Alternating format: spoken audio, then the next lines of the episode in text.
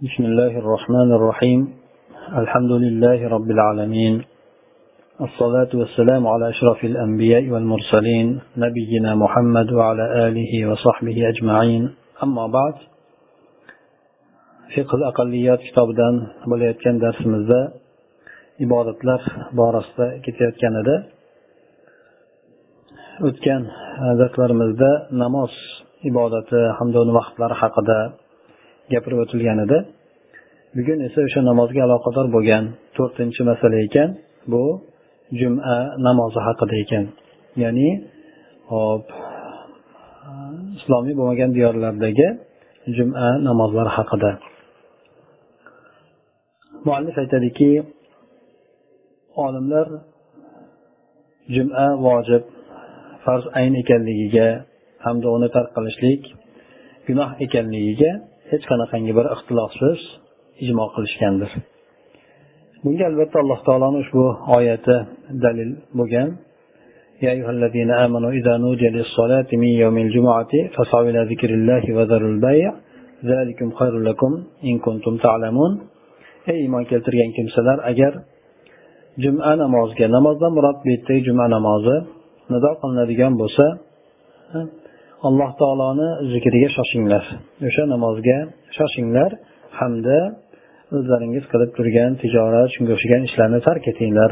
Mana bu narsa agar bilsalaringiz yaxshiroqdir. Ya'ni tijorat hamma narsalaringizni tashlab namozga shoshilishlaringiz bu bilsalaringiz edi bu sizlar uchun yaxshiroq bo'ladi deydi mana bu yerda demak e, oyat karimada alloh taoloni zikriga ibodatga shoshilishlikka bo'lgan buyruq keldi hamda inson mashg'ul bo'lib turgan ishlarini tark etishlikka ham buyruq bo'ldi buni o'rtasini solishtirib ham yaxshi ekanligini alloh taolo bayon qilib o'tdi yana bundan tashqari imom muslimda hadislar to'plamida payg'ambar sallallohu alayhi vasallamdan rivoyat kelgan ekan u zot aytgan ekanlarki لينتهين أقوام عن وضعهم أي تركهم الجمعات أو ليختمن الله على قلوبهم ثم ليكونن من الغافلين ya'ni bir odamlar jumalarni tark qilishlikdan tiyilsinlar jumani tark qilib qo'yishlikdan ko'proq bu o'rtada munofiqlar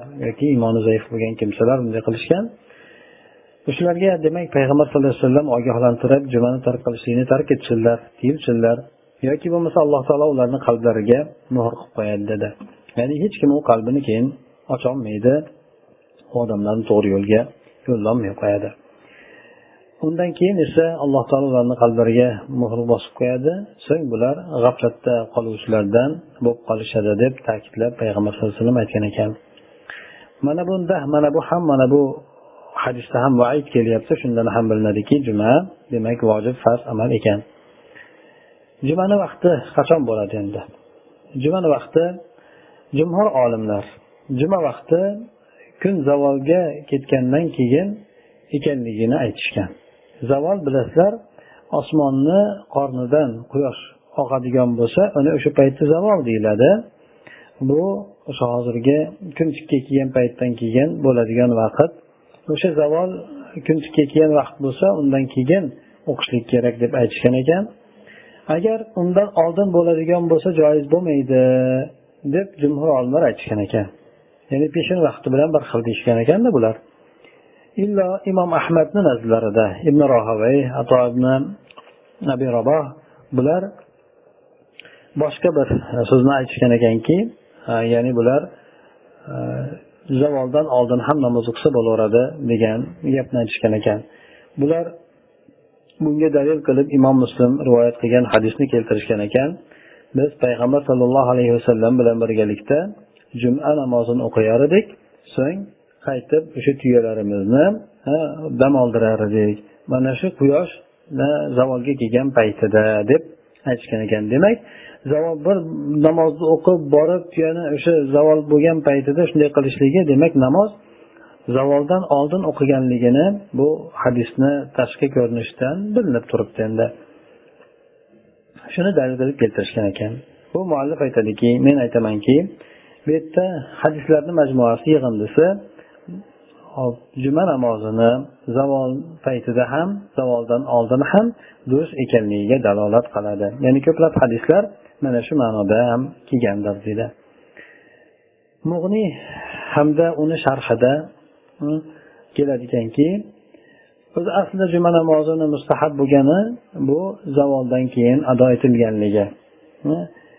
Mana bu narsada esa xilofdan ham chiqishlik bo'ladi. Ya'ni hamma olimlar zavoldan keyin o'qilishligini aytishadi.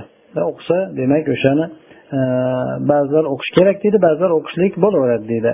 Lekin zavoldan oldin aytganlar ham bor ekanki lekin hammasi beittifoq zavoldan keyin namoz bo'laveradi deyishgan shuning uchun mustahab bo'lgan payti zavoldan keyin ado etilishligi mug'ni albatta hambaliylarni mazhab kitobi hisoblanadi. Men aytdimki deb muallif aytadi bir jamoa kufr diyorida namozni zavoldan oldin taqdim etishlikka majbur bo'lib qolsa bir mashaqqat sababli yoki bo'lmasa bir qiyinchilik bir holatlari sababli juma namozini kun kun tikka kelishlikdan avval o'qishlikka majbur bo'lib qoladigan bo'lsa bular imom ahmad hamda u kishi bilan birga bo'lgan e, olimlarni gaplarini e, olib o'shanga amal qilishlik qilishliklari mumkin bo'ladi. Bu yana ibn abbosni ham imom shakoniyni ham so'zlari deb aytgan ekan. Bular demak zavol paytidan judayam uzoq avval bo'lib ketmasligi e'tiboriga ko'ra bo'laveradi deyishgan ekan. Ya'ni zavoldan bir muddat oldin bir ikki soat oldin muddat bo'ladigan bo'lsa bo'laveradi juda ertalabdan bo'lsa bo'lmaydi deb aytishgan ekan. Chunki bu yerda imom ahmad dal keltirgan hadis bu zavol o'sha xutbayu namozni tugagandan keyin bu zohirga ko'ra o'sha hadis rivoyatini zohiriga ko'ra ana shundan keyin boshlangan ekanligiga dalolat qiladi. E, imom ahmad yuqorida keltirib o'tgan imom muslimni hadisidagi e, imom ahmad keltirgan dalil e, bu demak namozni tugatgan xutba bo'lgan namozni namozni o'qib bo'lishgan ana shu paytda zavol vaqti kirgan demak bu bir muddat yarim soat bir soat atrofida ja bir nari borsa bir soat atrofida oldinroq deb qaraladi endi. Demak bu yerda mashaqqat bo'lmaydigan bo'lsa inson holati bemalol bo'ladigan bo'lsa bu zavoldan keyin ya'ni xuddi peshin vaqti kelgan vaqtida ado etiladi. Bu salaflarni amali ham shunday bo'lgandir. Imom molik esa xutbani namozni emas balki xutbani o'zini zavoldan oldin joiz deb aytgan ekan. Hop ya'ni ba'zan bo'lib qoladi. Haligi vaqt ish vaqti boshqa narsalarni to'g'irlashlikka demak xutbani qilib turib namoz zavol bo'lgan paytidan demak jumani o'qisa namozini o'qisa bo'laveradi deb aytgan ekan. Xutbani oldinga muqaddam qilishlik bo'laveradi degan ekan. Ammo endi jumani oxirgi vaqtiga keladigan bo'lsak jumhur bu peshinni oxirgi vaqti deb aytishgan ekan. Demak asr kirishlik vaqtigacha jumani o'qisa bo'laveradi. Uchinchi yana bunga aloqador bo'lgan masala juma namoziga aloqador bo'lgan xutbani arab tilida boshqa tilda aytishlik ham durust bo'laveradimi? Olimlar xutba shart deb ijmo qilishgan. Ya'ni xutba aytishlik albatta juma namozi shart ekan. Xutbasiz demak namoz namoz bo'lmas ekan. Endi albatta arab tili bo'lishi kerakmi yoki arab tilida bo'lmasa ham durust bo'laveradimi? Muallif aytadiki men boshida aytamanki agar juma namozini o'qishlikni chiroyli ado etadigan bironta imom bo'ladigan bo'lsa bu albatta farzi kifoyalardan bo'ladi. Ya'ni jumani yaxshi ado etib beradigan imomni mavjud bo'lishligi farzi kifoya ya'ni o'sha yerda mavjud bo'lishligi kerak endi. Agar jamoat bu borada nuqsonga yo'l tutadigan yo'l qo'yadigan bo'lsa ular hammasi gunohkor bo'lishadi. Alloh taoloni ushbu oyatiga binoanki jangga otlaninglar. Agar otlanmaydigan bo'lsalaringiz alloh taolo sizlarni azob alamlantiruvchi azob bilan ushlaydi dedi. Ha? Bu farzi kifoyaga bo'lgan e, dalil farzi kifoyani o'ziga bo'lgan dalil. E, demak sizlar jangga otlaninglar dedi. Shu yetarli odam otlanmaydigan bo'lsa hammanglarga alloh taolo azob yuboradi degan mazmun endi. Ammo endi e, xutbani arab tilidan boshqa tilda aytilishligi ham aytilsa ham bo'laverishligiga endi bu yerda jumhur olimlar aytishgan ekanki albatta arab tilida bo'lishligi shart qilinadi deyishgan ekan. Bu jumadagi xutba farz qilingan zikr hisoblanadi. Bunda xuddi tashahhud takbirat ehromga o'xshab arab tilida bo'lishligi shart qilinadi. Payg'ambar sallallohu alayhi vasallam ham shuningdek qilganlar bu kishi faqatgina arab tilidagina xutba qilganlar. Abu hanifa bo'lsa arab tilidan boshqada ham joiz deb aytgan ekanlar. Uzr bilan bo'lsin yoki beuzr bo'lsin arab tilidan boshqada ham xutba qilsa bo'laveradi deb.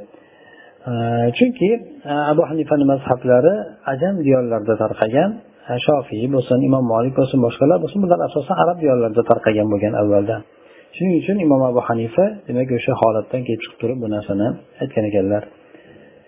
Bu kishini ikkita sohiblari uzr bilan bo'lsa joiz deyishgan ekan. Hambaliylar ham xuddi shunga o'xshagan gapni aytishgan ekan. Ya'ni bu yerda uzr bilan bo'lsa degani ya'ni o'sha ehtiyoj o'shanga tug'iladigan bo'lsa arab tilidan boshqasiga tug'iladigan bo'lsa bunda aytsa bo'laveradi. Deb yana bularda o'sha abu hanifani fikriga muvofiq keladigan rivoyat ham bor ekan. U nimalardan? E, sohillaridan. Lekin bu yerda e, fil mazhab bu gap esa mazhabda marjuh ekan endi. Ya'ni quvvatlik emas deb aytilar ekan. Aslida demak xutbani arabcha qilinadi shuning uchun bizda arabcha qilinadi xutbani. Xutbani arabcha qilinadi lekin xutbani keyinchalik qo'shib turib tarjima qilib qo'ysa ham bo'laveradi. Endi aytilsaki bu yerda xutba arab tilida bo'ladigan bo'lsa eshituvchilar uni tushunmaydigan bo'lsa undan qanday foyda kelib chiqishi mumkin endi? Qanday ularga foyda bo'lishi mumkin? Aytiladiki buni foydasi o'sha umumiy jihatda mavizani bilishlik. Buni foydasi demak umumiy suratda ya'ni tafsilotida emas umumiy suratda o'sha mazmunni bilishlik. Buni qoziy husayn aytgan ekanlar shofiylardan shu qozi husayn aytgan ekanlar. Men aytdimki deydi bu kishi muallif hop umumiy suratdagi mavizani bilishlikni foydasi nima? Modomiki hop eshitayotgan odam e, aql qilolmasa nima deyilayotganini anglab yetmasa hm? e, demak umumiy ma'noda bilishlik masalan ba'zan e, arab tilini bilmaydigan odam ham eshitib o'tirsa nima to'g'risida gapirayotganligini o'sha ba'zi oyatlarda hadislarni yoki bironta so'zlarni ortqasidan ha mana to'g'risida gapiryapti ekan degan umumiy xulosa paydo bo'ladi. Demak bunday bo'lishligi kifoya qiladi degan ba'zilar aytgan ekan. Bu kishi aytadiki yo'q bu narsa hech qanaqangi kifoya qilmaydi chunki e, xutbada e, arab tilidan bo'lishligi bu asli o'zini arab tilida bo'lishligi bilan maqsad qilinmagan. Hattoki bu arab tilidan boshqasi bilan durust bo'lmaydi deb aytilishligi uchun. Agar qavm undan biron narsani tushunmaydigan bo'lsa unda arab tilidan bo'lishligini hech qanaqangi manfaati bo'lmaydi. Yoki bo'lmasa hop ta'lim bir odamlarga bir ogohlantirishlik tushuncha berishlik mana shu narsalarni o'z ichiga olgan bo'ladigan bo'lsa bunda arab tilida bo'ladigan bo'lsa unda eshituvchilar bilmaydigan bo'lsa bunda hech qanaqangi uni foydasi bo'lmaydi. Shunchaki bir gapni aytib o'tishlikdan iborat bo'lib qoladi. Endi xilofdan chiqishlik uchun yana har bir musulmon odam namozi durust bo'lishligiga bir xotirjam bo'lishligi uchun quyidagi ikkita yo'ldan bittasini ergashishlik mumkin bo'laveradi. Ya'ni ikkita yo'ldan bittasini qo'llashlik mumkin bo'ladi. Birinchisi xatib bo'lgan odam xutbani asosiy rukunlarini ya'ni mm, arab tilini vojib qiluvchilar aytadigan e, asosiy e, xutba rukunlarini asoslarini arab tilida qiladi. So'ng mavizani o'sha hojatga qarab huzurga qarab turib eshitayotgan odamlarni tilida tarjima qilib beradi. Hop ya'ni eshituvchilarni tilida qilib o'tadi endi. Tarjima qilib bermaydi balki ba'zi boshlanishdagi hojalarni arab tilida keltirib turib undan keyingi iboralarni e, undan keyingi xutbani o'zbek tilida davom etaveradi. Ya'ni tarjima qilmaydida balki rosmoni o'zbek tilida xutba qiladi. Ho'p rukun deganda bu yerda allohga hamd aytishlikdan boshlashlik keyin bir oyat yoki qur'ondan bir ko'proq bo'lgan narsani o'qishlik hmm, payg'ambar sallallohu alayhi vasallamga salovat aytishlik alloh taolodan taqvo qilishlik mana shu narsani vasiyat qilishlik odamlarga musulmonlarga haqqiga duo qilishlik. Mana bu xutbani rukni hisoblanadi endi. Endi ikkinchi yo'l shuki bu yerda xutbani arab tilida aytadiyu keyin uni tarjima qilib beradi. Bu yerda farqi yo'q. Xutbani asnosida tarjima qilib beradimi? Birma bir ketadimi? Yoki bo'lmasa juma namozidan tugagandan keyin aytib beradimi? Bu yerda farqi yo'q yana xatibni o'zi tomonidan tarjima qilinadimi yoki boshqa shaxs tomonidan tarjima qilinadi uni o'rniga turgan.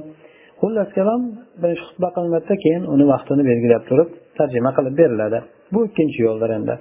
Toinki o'sha eshitayotgan odamlar bir e, ularda bir manfaat hosil bo'lishligi uchun. Bu yerda yana shunday deb aytishligimiz mumkin bo'ladi. Xutbani arab tilidan boshqada aytib o'tishlik joiz bo'ladi. Agar bu yerda uzr bo'lsa hojat bo'lsa. Agar unday bo'lmasa bo'lmaydi.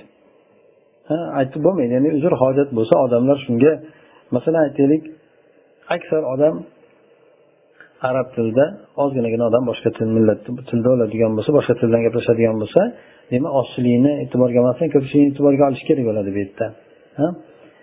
Aks holda unday qilib bo'lmaydi arab tilidan qilish kerak bo'ladi. Bu yerda o'sha nozil qilingandek shu oyatlarni qiroat qilishlikka rioya qilishlik. Ana undan keyin lekin ba'zi odamlarga o'zlariga xos bo'lib tarjima qilib berilsa bo'laveradi. Xutbada mustahab bo'ladigan narsa xutbadan qisqaroq bo'lishligi. Qisqaroq bo'lishligi payg'ambar sallallohu alayhi vasallamni ushbu hadislariga binoanki odamni namozni uzoqroq o'qishligi ya'ni qiroatni uzoqroq o'qishligi xutbasini qisqaroq qilishligi bu u odamni faqihligidan dalolatdir degan hadis. Ya'ni degani dalilun alamatun alayhi unga faqih ekanligiga alomat dalil degani. Yana bu yerda jobir ibn samur roziyallohu anhu rivoyat qilgan hadis bor ekan. Payg'ambar sallallohu alayhi vasallam o'rtachalikni lozim tutdi. O'rtacha o'rta miyoni bo'lganlar. Shuningdek u kishini xutbalari ham namozi ham o'rta miyoni edi xutbalari ham o'rta miyoni bo'ladi cho'zilib ketmasdi deb. Shuning endi xutbaga quloq solishlik ham kerak bo'ladi. Bu jumhurni so'ziga binoan quloq solishlik vojib bo'ladi. Payg'ambar sallallohu alayhi vasallamni shu gapiga binoanki kim juma kunida hmm, gapiradigan bo'lsa imom xutba qilayotgan paytda gapirib o'taveradigan bo'lsa bu odam xuddi bir eshak misoli bo'ladiki o'zi yo'q o'z ustida bir kitoblarni ko'tarib olgan eshak kabi bo'ladi deb qurik suratda e, e, o'xshatma qilgan ekanlar. Endi boshqasi unga aytsaki jim tur deb aytadigan bo'lsa u odam uchun juma yo'q. Ya'ni hop nimaga bu bu darajada e, tashdid e, qattiq qilindi deydi aytiladigan bo'lsa e, demak odamlarni chalg'itishlik birinchidan xutbani boshqa odamlar eshitadigan bo'lsa bu odam eshitmayotgan bo'lsa boshqalarni nima qilmaslik kerak? Chalg'itmaslik kerak hamma odamlarni o'zini holatiga qo'yish kerak. Shuning uchun hattoki odamlarni masalan jim bo'l degan narsa ham bir nechta odamni e'tiborini qaratadi bir qancha iboralar o'tib ketishligiga sabab bo'ladi. Shuning uchun shuni aytmasin deb. Ya'ni bu yerda ya'ni boshqa shu jim o'tirgan odamga qiyosan qiyos bilan demak unga juma yo'q deb aytilgan ekan. Lekin bu yerda e, kim gapirib qo'yadigan bo'lsa namoz o'qigan bo'lsa namozi ijmo bilan durust bo'laveradi. Juma yo'q degani jumani ajridan u odam mahrum bo'lib qoladi. Lekin juma namozi o'qiydigan bo'lsa juma namozi bil ijmo durust bo'laveradi. Bu yerda yana juma namozi albatta masjidda o'qilishligi shart qilinmaydi. Bu yerda umumiy joylarda o'qilsa ham yoki bo'lmasa keng maydonlarda o'qiladigan bo'lsa ham durust bo'laveradi. Shuningdek zarurat o'rnida zarurat holatida cherkov shunga o'xshagan kofirlarni ibodatxonalarida o'qilsa ham bo'laveradi deydi aslida demak musulmonlar jamlanadigan joyda o'qiladi. Bular masjidda agar masjid kichkina bo'ladigan bo'lsa E, musalloda o'qiladi o'qilsa bo'laveradi.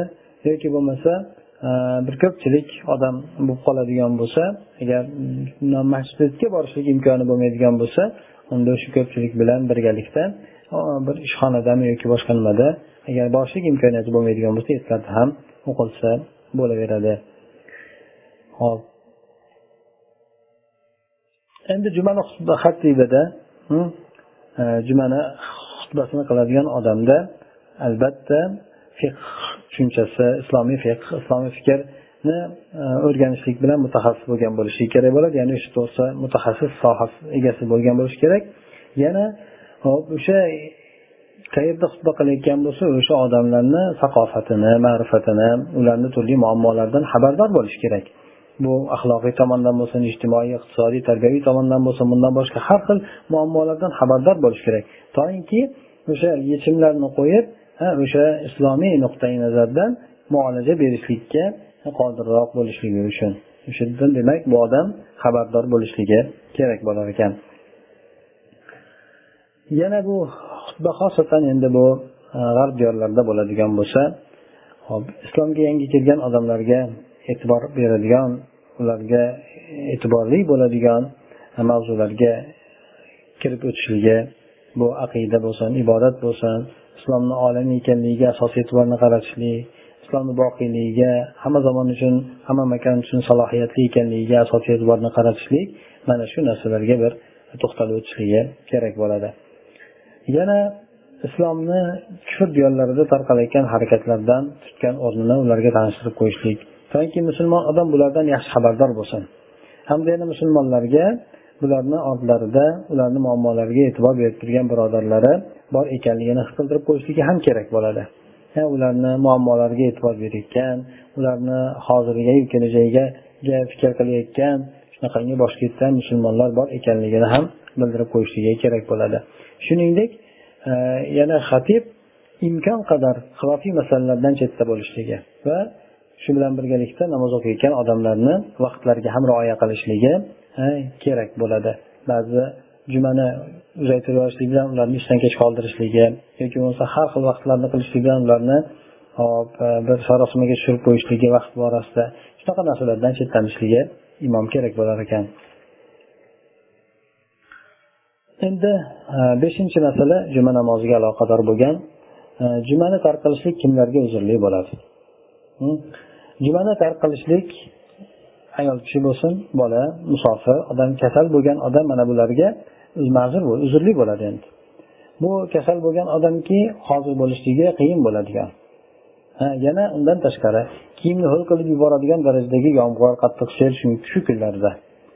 Qattiq shamol esadigan bo'lsa ham juda qattiq issiq sovuq bo'ladigan bo'lsa ham shuningdek o'tirib qolgan kasal bo'ladigan bo'lsa yoki bo'lmasa yetakchisi yo'q bo'lgan Э, amo odam bo'ladigan bo'lsa yo bo'lmasa e, e, tarqalib ketishligi zoyi bo'lib ketishligiga qo'rqiladigan bir kasal odam. Ya'ni bir odamni kasali bor. Yuzi kasalga qarayapti. Bu odam e, agar jumaga keladigan bo'lsa kasali zoyi bo'lib qoladi. Mana shunday bo'lib turgan kasalga qarayotgan odamlarga ham demak ma'zur bo'ladi. Chunki bu yerda musulmon odamni haqqi jumani farzligidan ko'ra ta'kidliroq bo'ladi. Agar jumaga keladigan bo'lsa u odam zoyi bo'lib qoladigan bo'lsa bunda albatta jumaga bormasligi mumkin bo'ladi. Yana shuningdek juda muhtoj bo'lib turgan paytida taom hozirlanib turgan paytdagi odam taomni ustida turgan odam ham juda muhtoj bo'lib turgan paytda ya'ni payg'ambar alayhisalom hadislarda keltirib o'tadi taom hozir bo'lib turgan paytda namoz yo'q degan mazmundagi hadislari ham bor. Kiyimsiz bo'lgan odam ham jumaga kelolmaydi. Endi ba'zan odamni holati bo'lishi mumkin. Xosatan e, o'tgan zamonlarda odam kiyimsiz bo'lgan holatda qolgan paytlari bu odamlarga juma farz bo'lmaydi. Juma uzrli bo'ladi endi bularga. Juma borishlik farz bo'lmaydi. Yana zolimdan o'ziga yoki moliga qo'rqayotgan odam. Ha bir zolim borki u borsa o'sha zolimni e, zulmiga uchraydi. Yoki bo'lmasa moli o'g'irlanib ketib qoladi. Qo'yadigan bo'lsa ko'chaga qo'yib qo'ygan. Bunday bo'lgan odamlar demak o'sha e, molga moliga qarab juma bulardan soqit bo'ladi. Yashash joyida o'sha juma yashash joyi juma o'qiladigan joydan uzoqda bo'lgan odamlar. Agar hozir bo'laveradigan bo'lsa bu odamga ish og'irlashib ketadi yoki katta bir e, mablag' bilan keladi uzoqdan keladi o'ttiz qirq kilometr nariyoqdan keladi. Bularga endi e, agar mashaqqat bo'ladigan bo'lsa bularga ham o'zi aslida juma farzligi bo'lmaydi. O'sha joylardagi tolib ilmlar ham e, tolib ilmlar deydi uzr ostiga kirmaydi endi bular. Ya'ni tolib ilmlar ya'ni studentlar aytmoqchi bu yerda bular uzr ostiga kirmaydi chunki bular harakat qilishlik kerak. Ba'zi idrosiy moddalar e, hozir bo'lishini taqozo etayotgan bo'lsa ham endi shu yerda qolib ishga ketishini taqozo etayotgan bo'lsa ham lekin harakat qilishliklari kerak bo'ladi chunki bu juma takrorlanmaydigan ibodatlar turidan bo'ladi. Hop yana haftada bir marta bo'ladi xolos bu. Shuning uchun uni yetib olishlik kerak bo'ladi jumani e, qoldirmaslik kerak bo'ladi. Tolib bo'lgan odamga o'zini holatlarini o'sha o'zini vaqtida shu jumaga rioya qilishlikka ko'ra o'zini holatlarini tayyorlashligi kerak bo'ladi. Jumaga o'zini tayyorlashligi kerak bo'lar ekan. Ahli ilmlar e, ijmo qilishgan ekanki qaysi bir odamdan juma o'tib ketib qoladigan bo'lsa bu odamga peshna o'qishligi lozim bo'ladi. Hmm. Ho'p olimlarni aksariyati e, shu narsani aytishgan ekanki uzr sohiblari imom e, namozidan oldin agar o'qib oladigan bo'lsa bularga o'qib olsa bo'ladi. Lekin e, ular uchun yana shuningdek e, juma peshin e, namozini jamoa bilan o'qishliklari ham mumkin bo'ladi. Bu narsani aksar olimlar aytishgan ekan. Demak ba'zi olimlar mana shu bizni o'zimizni mazhabimizda ham bor edi. Agar imom juma o'qiydigan bo'lsa uyda qolgan odamlar imom o'qib bo'lgandan keyin o'qiydi degan gaplari bor. Hamda juma o'qilgandan keyin peshin namozini jamoat bo'lib o'qilmaydi degan gap ham bor. Lekin olimlarni aksariyati buni aksini aytar ekan.